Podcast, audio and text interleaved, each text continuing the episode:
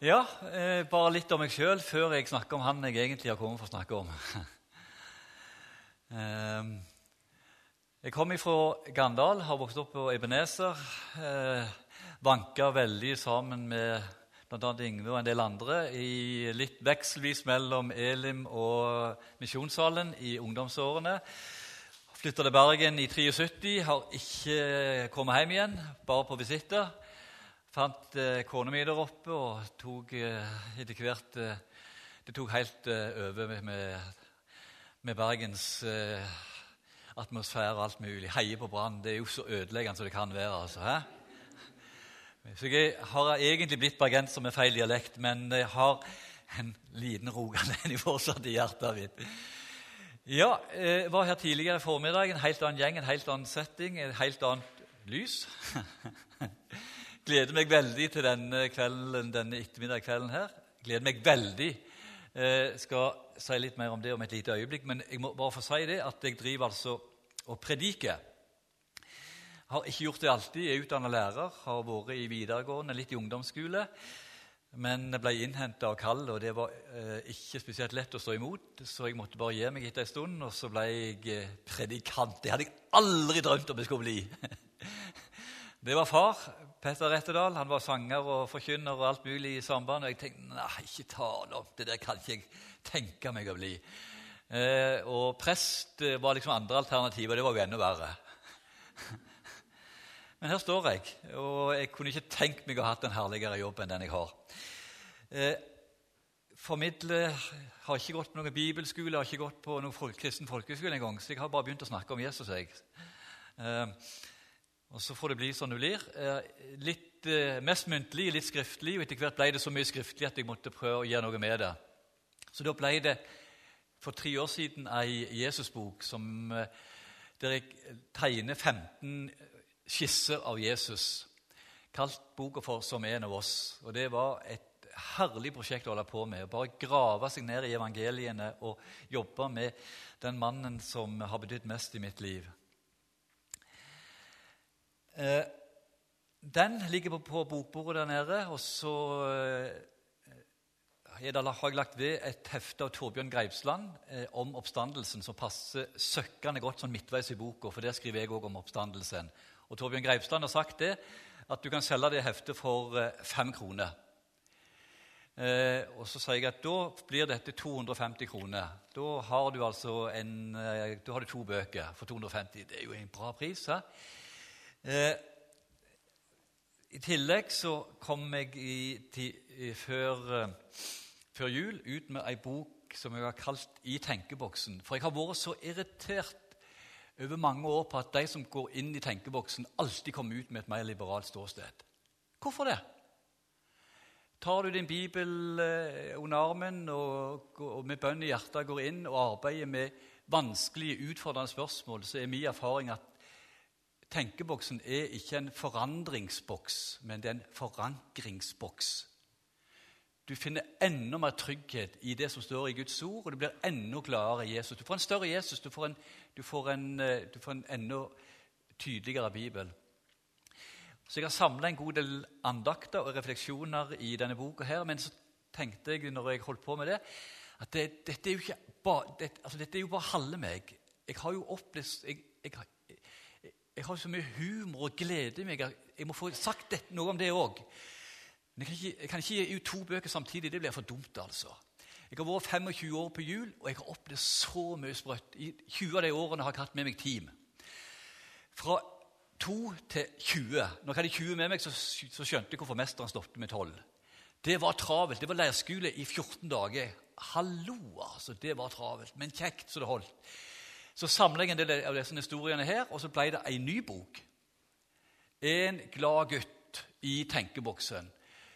Og så kan du bestemme eh, Vil du være i det lundet der, så legger du bort, bort i sofakroken, og så ler du godt, leser høyt for eh, ektefelle eller unger. Og så bare ler dere av predikanten. Dere får lov til det, altså. Slipp å le bak ryggen på meg. Herved tillatt. Bare le av meg. Eller gjemme deg bort i en uh, godstol og så reflekterer du litt over livet og troen og de tingene som det handler om. Så kan dere se litt på de der. Den er litt smalere. Da må det bli 2,25. Og jeg klarte ikke å stoppe når boka var i trykken. Så det er altså allerede bonushistorier som er lagt inn. så se på det etterpå. Og så må dere også huske på at mens det er lovsang etterpå, så er det god anledning til å søke forbønn. Og så eh, skjer det parallelt med lovsangen, og kjenn på eh, at det er en sånn frihet og trygghet i forhold til det. Ja, da er vi i gang for alvor. Nå har jeg sagt noe om meg. Nå skal jeg snakke om hovedpersonen. Jeg har kalt temaet Livshuset. Og jeg har gjort det fordi jeg vet eh, dere har dette med tvil, tro, vantro som eh, tematikk utover høsten. Eh, og jeg opplever når jeg er rundt omkring i masse forskjellige menighets- og forsamlingstyper Det er mange som trøbler med sin kristne identitet. Er vi kristne? Eh, holder trua mi hvis jeg kommer inn i en skikkelig tøff eh, situasjon? Eh, der, det, der, det, utfordres sånn på dypet. Eh, hva vil eh, Gud si når jeg eh, en dag står framfor Han? altså? Hvordan, hva melding får jeg? Og så kan det der kjenne at du, kjenner du at det der, det der får det til å vibrere litt ekstra. altså. Hvor, hvor trygg grunn står jeg egentlig på? Derfor har jeg da altså valgt å snakke med dere, eller dele en del tanker om det jeg kaller for livshuset. Og Vi skal bruke Paulus som arkitekt. Han er jo en fantastisk bygningsmann. og Av flere grunner bruker jeg han. Han har skrevet veldig mye om livshuset. Og, altså, vi, har, vi, har, så mye stoffer om, om han. Eh, og I tillegg så viste han jo med sitt liv at det holdt. Fullført løpet, bevart troen. Det er jo det det handler om så vendte seierskransen på meg. For en eh, avsluttende melding. Men vi begynner med Jesus. Eh, for han er den første som taler ganske tydelig om dette livshuset. Og Han gjør det i slutten av bergpreika. Så hvis du slår opp i, eh, hvis du, har det, eh, hvis du har Skriften her oppe i toppetasjen, så er det supert. og Hvis ikke står et Nytestament eller Bibelen med, eller et å notere på, så kan du gjøre det, for det er i slutten av kapittel 7 i eh, Matteus. Så leser jeg en liten tekst der, så er vi i gang for alvor. Vers 24. Bygg på fjellgrunn. Derfor, vær den som hører disse mine ord, og gjør etter dem. Ham vil jeg sammenligne med en, med en klok mann som bygde huset sitt på fjell og regnet øste ned. Vannflommene kom, og vinden blåste og slo mot dette huset. Men det falt ikke, for det var grunnlagt på fjell. Men vær den som hører disse mine ord og ikke gjør etter dem, han er lik en uforstandig mann som bygde huset sitt på sand. Og regnet øste ned, vannflommene kom, og vinden blåste og slo mot dette huset. Og det falt og fallet var stort. Skriv deg Jesus på mitt hjerte, du min konge og min Gud, at deg lyst, deg heller smerte, deg formår å slette ut. Denne innskrift på meg sett, Jesus ifra Nasaret, den korsfestede min ære og min salighet skal være.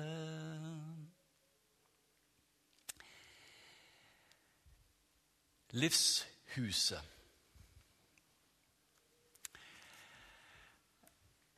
Som må ha en grunn Ethvert hus har en grunn og, som vi bygger på. Eh, den legges tydelig hos apostelen, hos arkitekten vår. Ingen annen kan legge en annen grunnvoll enn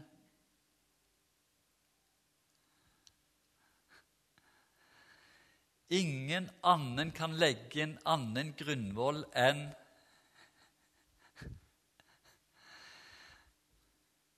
Jesus Kristus. Ingen annen kan legge en annen grunnvoll enn Jesus Kristus. Det vet jo vi. Kjenner vi Jesus, så vet vi det er han vi bygger på. Verden bygger på mye rart. Eh, og vi ser jo at det rakner. Vi ser enten de bygger på finans, økonomi, de bygger på familie At det er det som er greia. Bygger på karriere, jobb og sånne ting, så er det utrolig variable størrelser. Utrolig ustabile greier. Men det der vet jo vi. Eller vet vi det? Eh, for av og til så hører jeg at kristne òg trøbler litt med Bygger vi livene våre på Kristus? Du skal få et eh, bilde, og så skal du få eh, noen eh, tanker som jeg har fanget opp. Eh, noen innspill som jeg har fanget opp de siste, de siste ukene.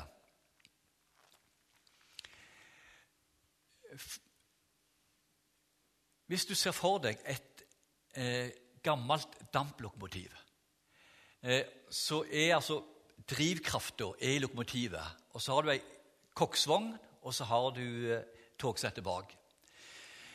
Det er ditt liv. Det er mitt liv. Hva er drivkrafta? Hva er lokomotivet i ditt liv? Eh, da vet vi at Bibelens svar er Jesus. Men av og til så kjenner jeg altså, når jeg snakker med folk i ulike sammenhenger at å, er det så sikkert at det er det? For det er nemlig muligheter for å plassere følelsene i, eh, i lokomotivet. Altså det, det, er følelsene som er drivkrafta. Og koksen, som vi sparer inn da, det er stemning, det er atmosfære. Jo bedre stemning, jo bedre atmosfære, jo bedre går dette lokomotivet. her. Altså. Eh, tente stearinlys, god musikk. Det stemmer på alle måter imellom oss. Eh, ingenting skurrer på kanalen. Vi sparer inn med god atmosfære. Og det er lett å tenke at det er det det går i. At vi har det greit, at vi har det bra. Da må det vel alt være greit. Og Da er det jo greit så lenge det varer. Plutselig så kommer det altså et eh, en periode der ingenting stemmer. Og du tenker Er jeg kristen? Hvor i alle dager ble det av den der gleden og tryggheten og alt det der jeg hadde i Jesus? Kanskje fordi det har vært følelsene som har eh, vært drivkrafta i eh, lokomotivet. Eh, en annen mulighet Og alle her jo, står jo i fare for innimellom å la det bli sånn, er at fornuften, forstanden, plasseres i lokomotivet. Altså bare vi forstår det. Bare, bare, bare to og to fire, og tingene går opp. altså. Og, det, og det, koksen vi sparer inn da, det er kunnskap. Mer kunnskap, mer bibelkunnskap.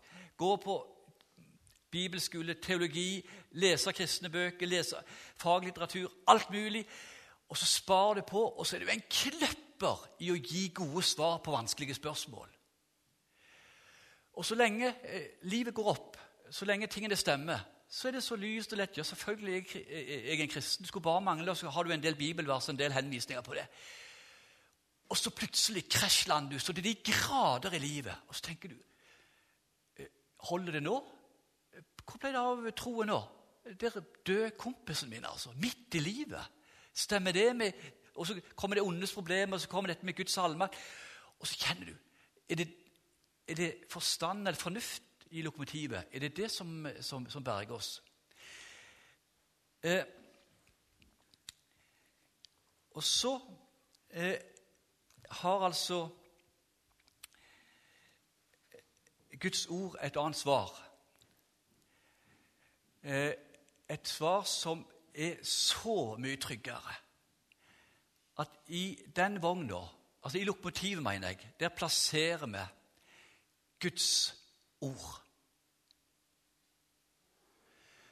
Og koks, i koksvogna, koksen som du fyrer opp med i lokomotivet, er Den hellige ånd, som gir ordet liv. Som gir ordet kraft, og som sørger for vi kommer fram. Og det er helt uavhengig av oss. Da er det jo utenfor oss. Alt det andre er jo subjektivt. Følelser, fornuft, Alt det der som, som, som er en del av oss, det svinger jo hele tida. Men Guds ord står fast uansett. Har Gud sagt, så har han sagt det.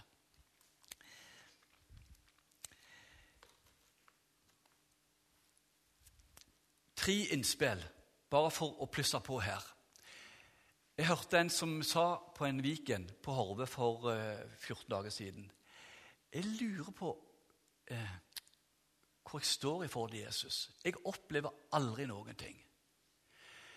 Andre erfarer dette og hint og, og, og kan kjenne på Guds nærvær, kan mer eller mindre få åpenbaringer, snakke med Gud. Og For meg er det bare helt dødt i bakken. Helt sånn stengt himmel. Og jeg lurer på er jeg egentlig kristen. Hører dere på det han sa? Eh, hvordan han har eh, plassert eh, tingene i vognsettet?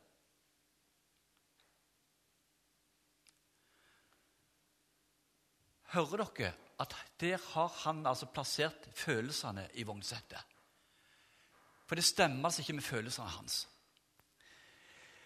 Og da er du utrolig utsatt for at det ikke skal For, ja, for at det skal være tøft eh, og, å svinge veldig fra dag til dag. Jeg hadde et eksempel til, som, som jeg finner det.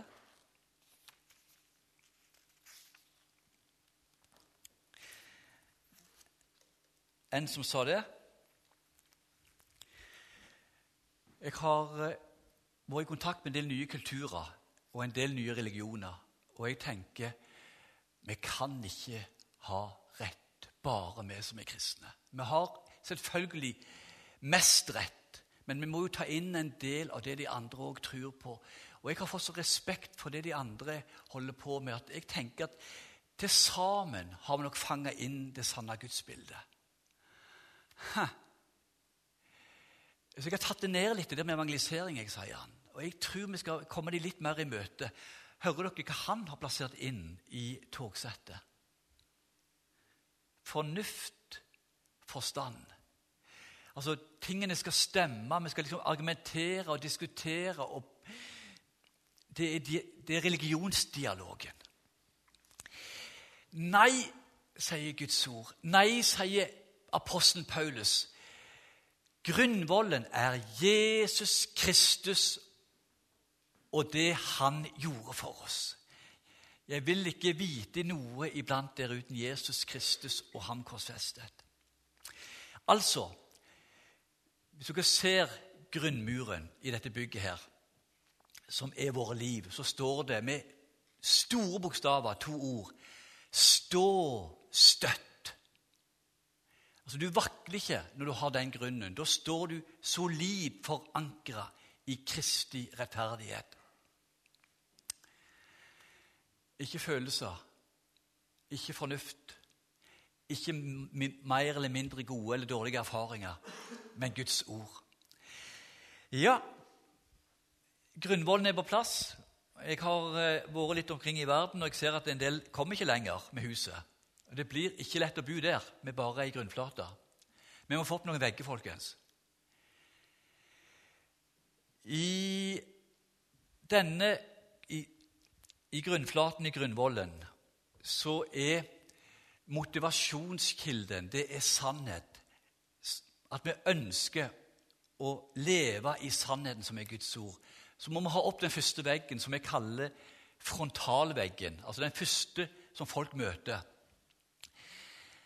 Eh, den kaller jeg for holdningsveggen.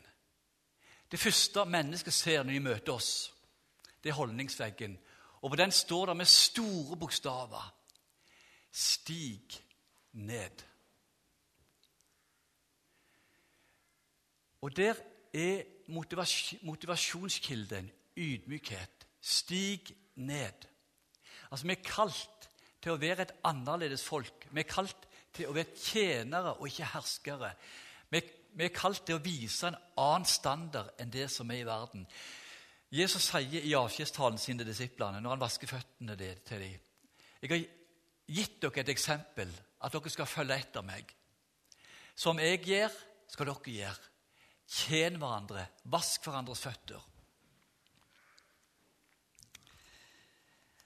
Jeg kom Jeg skulle til Sandnes frikirke, som nå flytta til Hana. På mitt første besøk jeg hadde team med meg. Jeg skulle ha et team på en åtte-ti stykker med. Så ringer Jon Arne Nygaard, som var pastor i begynnelsen, til meg, og så sier han det. Jan, to viktige ting. Eh, når du kommer med team, så må, du, så må du informere dem om følgende. De må Skal de ha inngang i denne menigheten, så må de komme nedenifra og ikke ovenifra. Jeg vet om de fleste kasus i denne menigheten. Det eneste jeg ikke vet om, det er at vi har mordere. Ellers har vi de fleste kasus. Og det er ikke dette at eh, En ting er at mange er jo enormt såra og skada. Altså, med overgrepsproblematikk, med mishandling, med utrolig tøffe ting. Dette var en menighet som ble, som ble starta med tanke på å være sånn, sånn annerledes, et annerledes menighetsalternativ i Sandnes. I tillegg har de opplevd så mye tøft i i, altså i sosialapparatet, i, i, møte med ulike etater, at dere er nødt til å komme nedenfra, komme som tjenere og møte menneskene ifra, som, ja, ifra ned, nedenifra.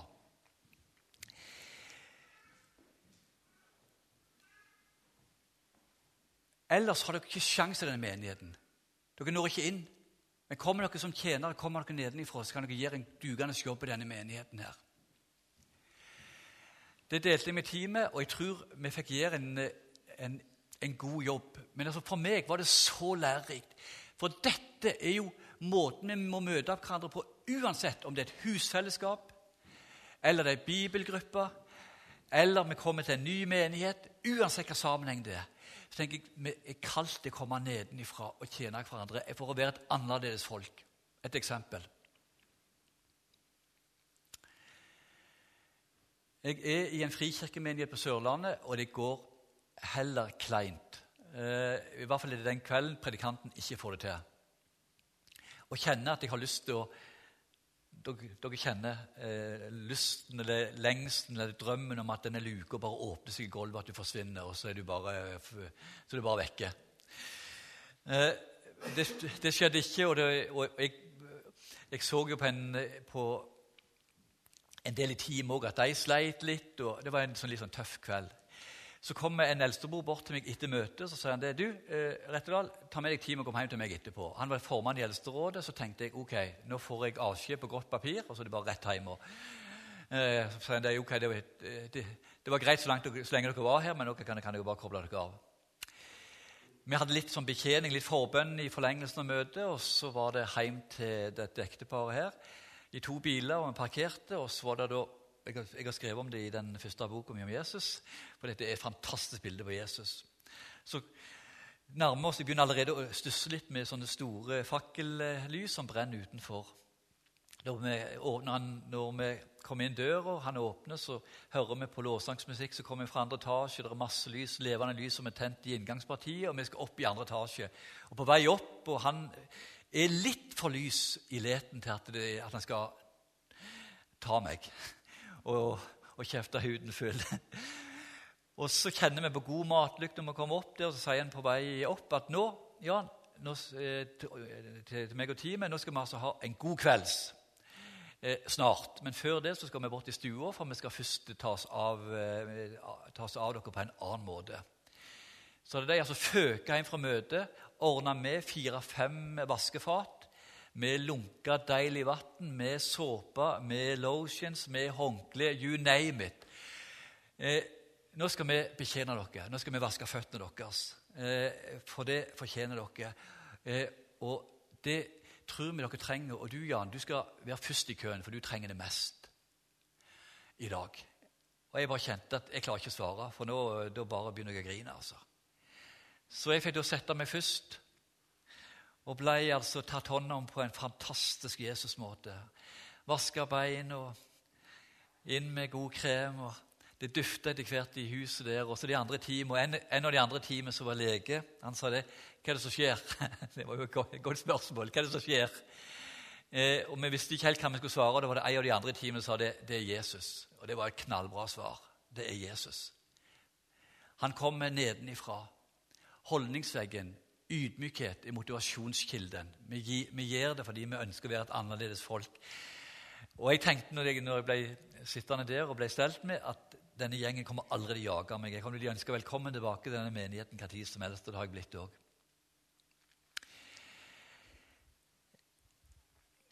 Paulus er inspirasjonskilden. Han har skrevet masse om det. Kappe som vi hedrer hverandre. Ydmyk dere eh, for hverandre i ærefrykt for Kristus. Han har så mange tilsvarende uttrykk som hjelper oss til å se at dette er å stige ned er en kjempe, kjempe sentral del av det kristne livet. Holdningsveggen.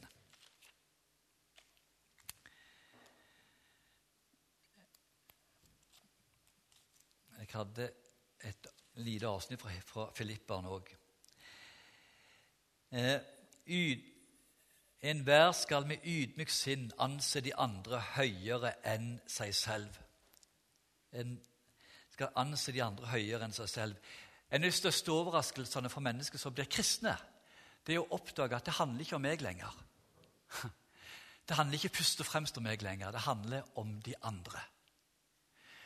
At det fokuset som du hadde tidligere i livet, at jeg skal få maks, maks ut av livet, det handler egentlig om at det blir snudd slik at jeg skal hjelpe de andre til å få maks ut av livet. I stedet for å spørre hva kan forsamlingen, hva kan menigheten gi meg, så snus det. det hva kan jeg gi til forsamlingen, til menigheten? Altså, Du får en helt annen holdning, en helt annen måte å møte fellesskap på, eh, som bare skaper balsam i et fellesskap. Stig ned. Eh, vi har fått opp en vegg. Det begynner å ligne på et hus. Folk aner i hvert fall at dette kan bli et hus etter hvert. Vi har da en langvegg, og vi har to langvegger, men vi går videre til neste langvegg, som da er nettopp fellesskapsveggen. Fellesskapsveggen som det står med digre bokstaver på. Søk sammen.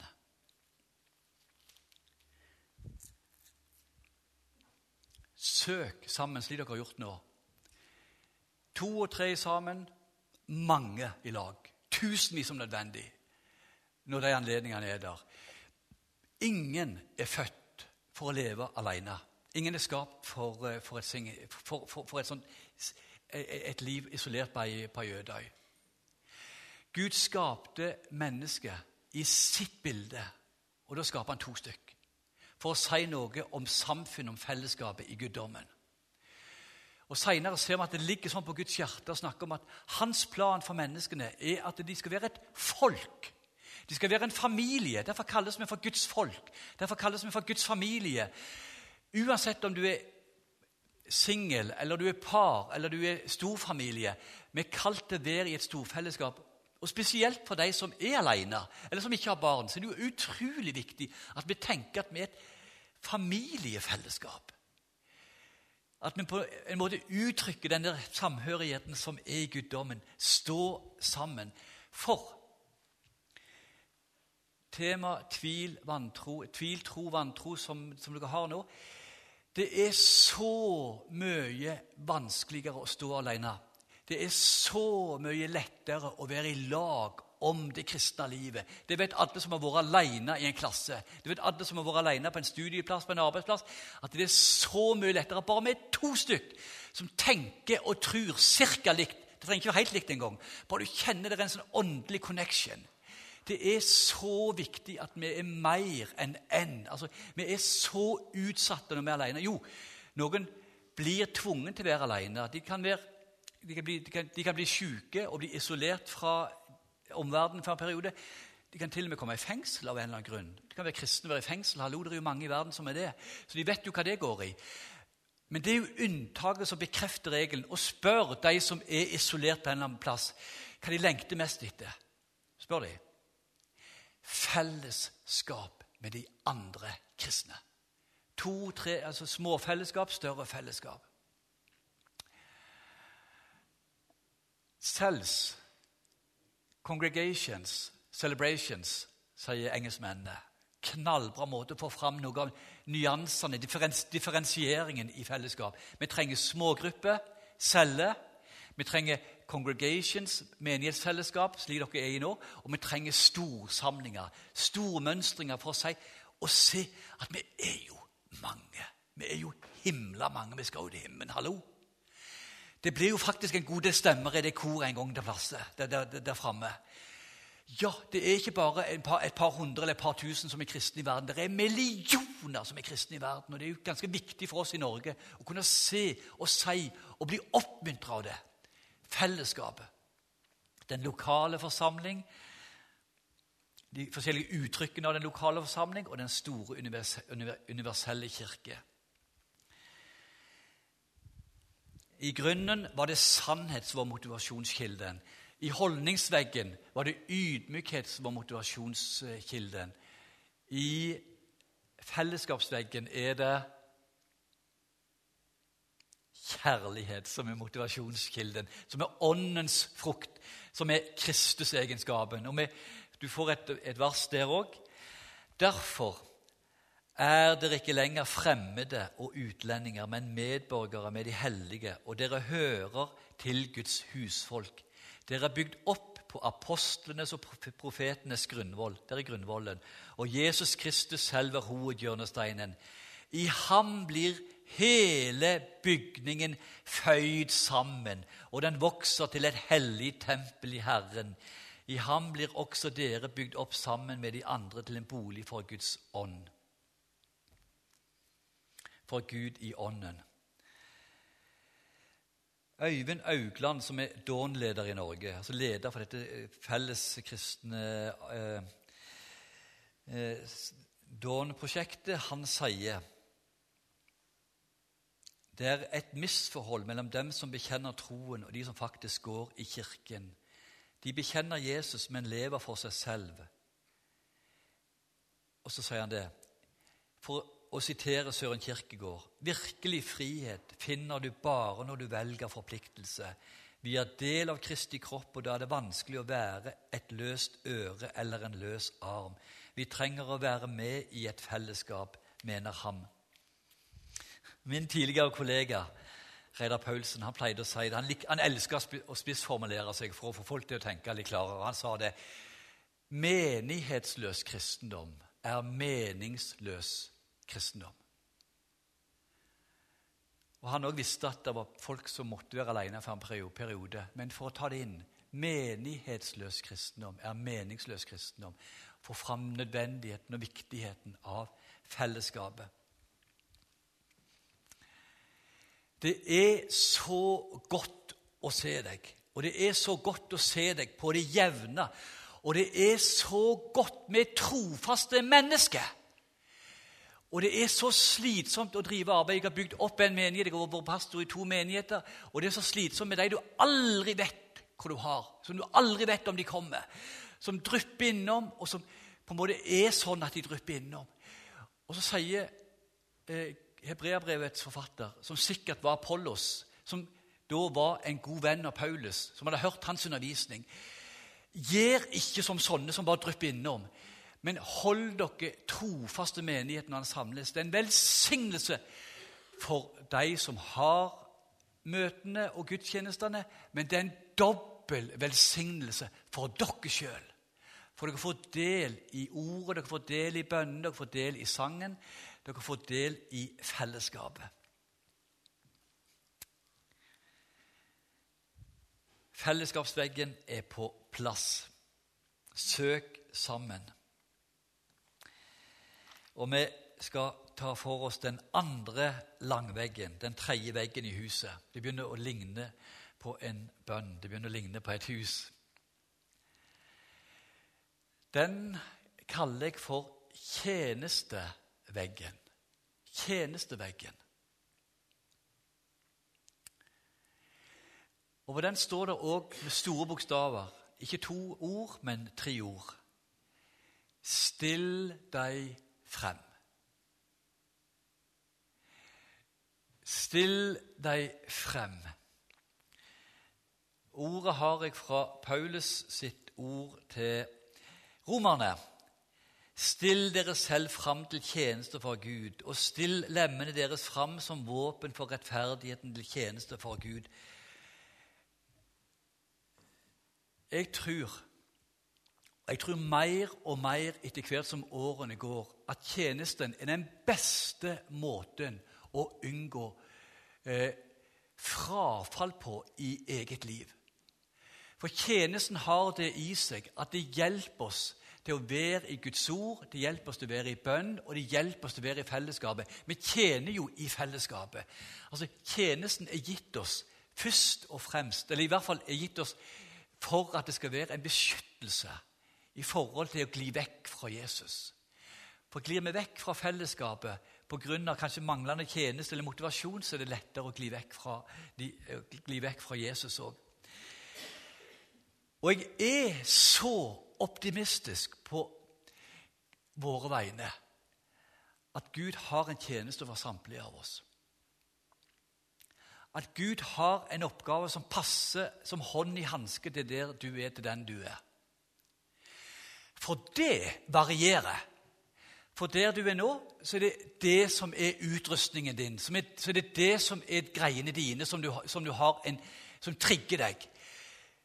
Og så gjør du det, og så går det fem år eller ti år, så kjenner du at nå dabber det litt av med interesse for søndagsskolearbeid.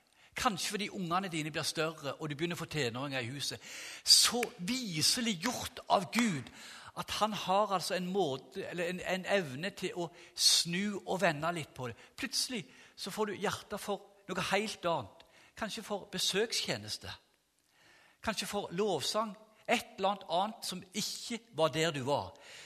Og så handler ikke det om at, eh, at du er en vimsekopp, men det handler om at dette huset, dette tjenestehuset er hvitt og stort og rikt og variert. Når Peter skriver eh, 'Tjen hverandre med den nådegave dere har', så er jeg overbevist om Jeg er villig til å dø for det jeg sier nå. At enhver kristen har minst én nådegave. Og at det Peter her snakker om, det er at det er en hovedtjeneste som kommuniserer best med din personlighetstype. Og så er det en del andre tjenester du kan gå litt inn og ut av, som ikke nødvendigvis er hovedgaven eller hovedtjenesten din. Og Samtlige kristne må jo gjøre forefallende arbeid. Jeg aner ikke hva du tenker om det å lede møte, men det kan godt være at det er, at det er dine greier, og at, noe, at det, du kjenner at der bruker Gud deg mest. Men det kan jo variere. Eh, for vi kan gjøre en del andre ting som ikke nødvendigvis er det Gud har satt oss, som, satt oss ned som hovedtjeneste. Men jeg er overbevist om at Gud har noe som er skreddersydd deg. Jeg har fått gleden av å være innom mange forskjellige tjenester. Og det har vært så kjekt å prøve meg på nye områder. Og så har jeg kjent, når de har blitt tatt ifra meg Ja, det var greit, det. Det var for den tida. Så takk skal du ha, Gud. Takk for at jeg fikk lov til å være med i forbønnstjeneste, i lovsangstjeneste, i sjelesorg og forskjellige ting. Og så er det én tjeneste du aldri får meg av. Og det er den jeg står i nå. Prøv å få meg der fra talerstolen. Prøv! Altså, Jeg trener vekter på avgrunn av dette. Altså, Hallo, altså! Ingen får meg ned fra dette. Jeg er så bevisst på at dette er min hovedtjeneste ut fra den utrustningen Gud har gitt meg. Og Den eneste som får kakka meg i huet og si 'nok er nok', Jan, det er Gud. Ingen andre. Men andre ting kan jeg gå inn og ut av. Og det, det er bare en glede.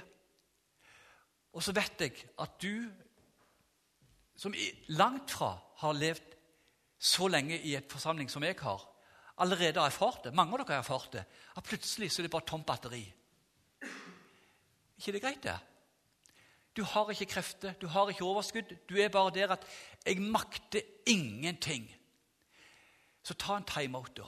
Den som ser minst eh, sint på, på deg, eh, da er jo Gud. Han smiler til deg og sier 'Det er greit, barnet mitt. Slapp av. Hvil deg. Ta en timeout'. Men la det være unntaket. Regelen er at vi er i en eller annen tjeneste. Litt til. Denne fantastiske veggen. Det er jo noen som, eh, som er positive eh, per definisjon. Altså, Spør du om en oppgave til ei gruppe, og du håper at i hvert fall de to ikke svarer ja, for de svarer jo alltid ja. Så du ser vekk fra du ser på de andre. Så du, kan noen tenke seg å gjøre det? Og så er det selvfølgelig de to som retter opp hendene. Så tenker jeg eh, det skulle de ikke ha gjort. For det er nemlig slik at hvis vi gjør alt bare fordi vi er positive, så kan det slite oss ut. Det er nå én ting. Men vi kan stå i veien for andre som har en utrustning på den tjenesten. Som har en salvelse, vil andre ha sagt, på akkurat den gaven. Og så står han på en måte i veien for at de kan få tjene Gud og vokse i denne tjenesten. Så det er faktisk viktig at vi ikke sier ja til alt mulig, men at vi, at vi slipper andre til og lar det bli slik at det blir et samspill mellom gaver og tjenester og personligheter. Eh, snart i mål. Vi har en vegg igjen, jo et lite tak. Så fem minutter til må vi trå til før uh, det skal bli et hus du kan bo i. Bakveggen Bakveggen som uh, forteller hvor uh, huset stopper. Det er ikke et ubegrensa hus som går så og så og så langt, men som har en viss utstrekning, og så stopper det der. Og Det kaller jeg for prioriteringsveggen. Og Der står det òg eh, en stor kortsetning, store bokstaver. Sett grenser. Vi lever i en tid som er på en måte grenseløs. Og det, jeg, det er jo en glidende overgang her. at folk har, Hvis de har energi, så har de lyst til å gjøre alt mulig. Det er bedre at vi strammer litt inn og holder oss litt på et spor, eller på at vi gjør ting som vi kjenner ikke tar fullstendig eh, kreften ifra oss. Det handler om tida vår, at vi ikke bruker oss opp bare på å altså, Hvis du er som meg, så har du 24 timer i døgnet. Du bruker en del av eh, timene til å sove, en del av timene til å spise, en del av timene til å være i jobb. Eh, og så har du de timene som er igjen, til å tenke vennskap, til å tenke eh, evangelisering, til å tenke menighet. Og at vi finner en måte å ordne dette på, ikke at vi presser oss for mye på tida. Jeg har lagd noen så stikkord for min egen del for å få fram noe av dette i mitt liv. Eh,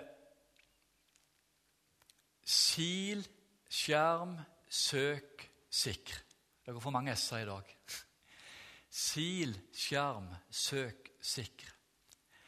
Jeg skal ikke ta, rase igjennom det med, med, med, med, tungt skyts nå, men jeg skal bare si noe om det. Vi trenger å sile inntrykkene som kommer til oss daglig. Vår tid får mer informasjon i løpet av en dag enn våre besteforeldre fikk i løpet av ett år. Hallo? Altså, Vår tid tar inn, eller, eller gir oss mer informasjon på en dag enn våre besteforeldre fikk på et år.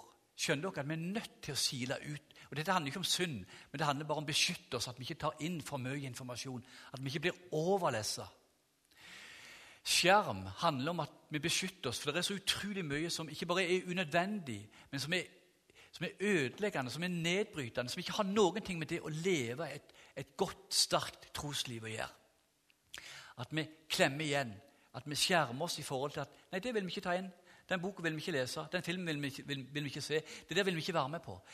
Altså At vi våger å sette en gode grenser i forhold til det. Sett grense var det som sto på veggen. Og så søk.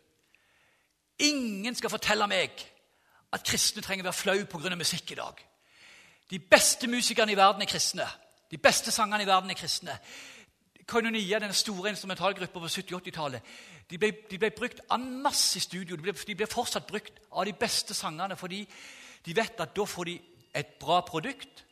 Et knallbra produkt. De får i tillegg folk som er ryddige på arbeidstid, som ikke kommer halvfulle i, i studio. Og du kan se på mus, dere, dere er jo mer der enn jeg er. Det er så mange kristne band og artister. Det er ingenting å skjemmes for. Dere har forresten gode musikere og sangere her, så bare kos dere i lag med, med sang og musikk. Det gjelder forfattere, det gjelder filmskapere. Gå f.eks. og, og, og, og, og se eh, Faith Like Potatoes. Kjempefilm. Utrolig altså Det er høy, høy, kvalitet på filmen, og det er så bra forkynnelse. At vi søker de rette tingene finner jeg ei bok som eh, jeg er glad i. Jeg er ikke redd for å lese den om igjen. i det hele tatt, og Kona mi er enda mindre redd for det. Hun kan til og med lese ei bok både tredje og fjerde gangen hvis hun blir glad i den. F.eks. som 'Steingrunnen' av Bo Gjerts. En kjempebok. Sik, eh, sil, skjerm, søk, og så sikrer du. Når du har funnet noe gull, ta vare på det. Ta vare på det nettopp som gull, slik at du det blir en del av ditt liv.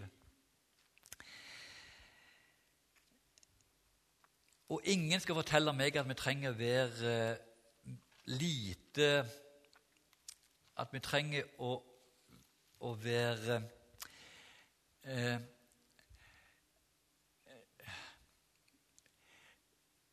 eh, at, ja, Det er det ordet jeg leter etter. At vi må, at vi må leve nesten som om ikke vi var i verden. Vi skal få lov til å være i verden, men ikke i verden. Du kan være, det var ordet jeg lette. Du kan få lov til å være så kulturåpen bare vi lever i dette at vi skal sette gode grenser. Bare hør hva Paulus skriver, og så er det det vi skal eh, runde av med før vi sier litt om taket.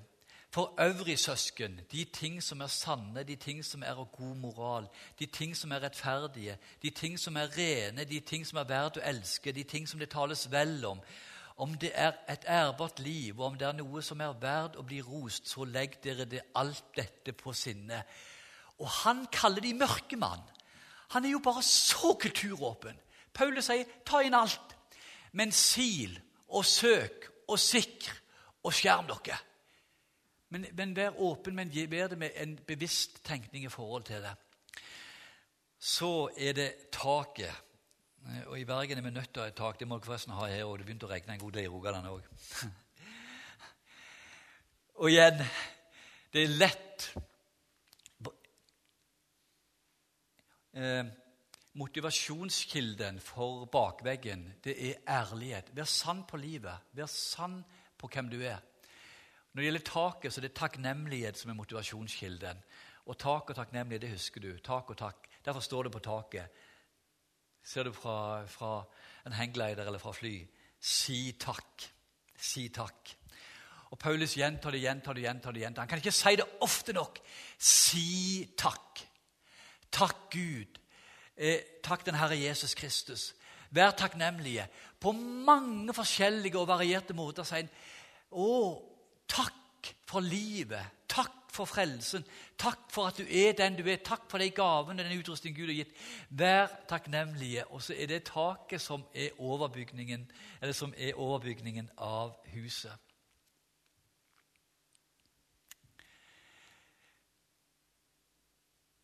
Stå støtt.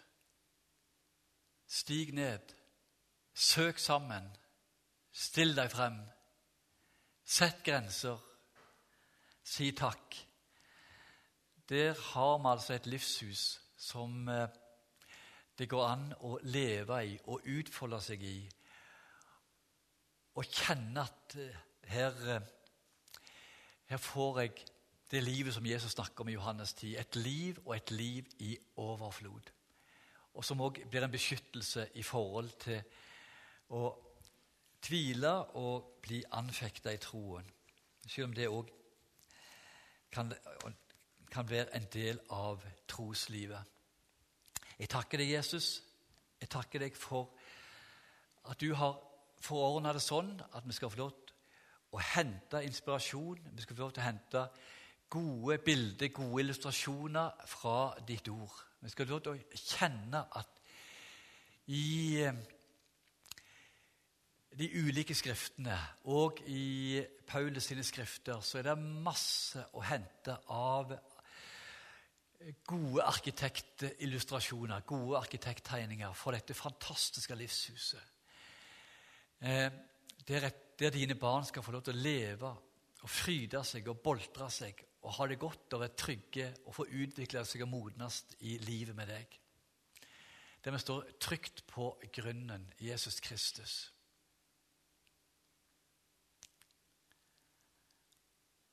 Amen.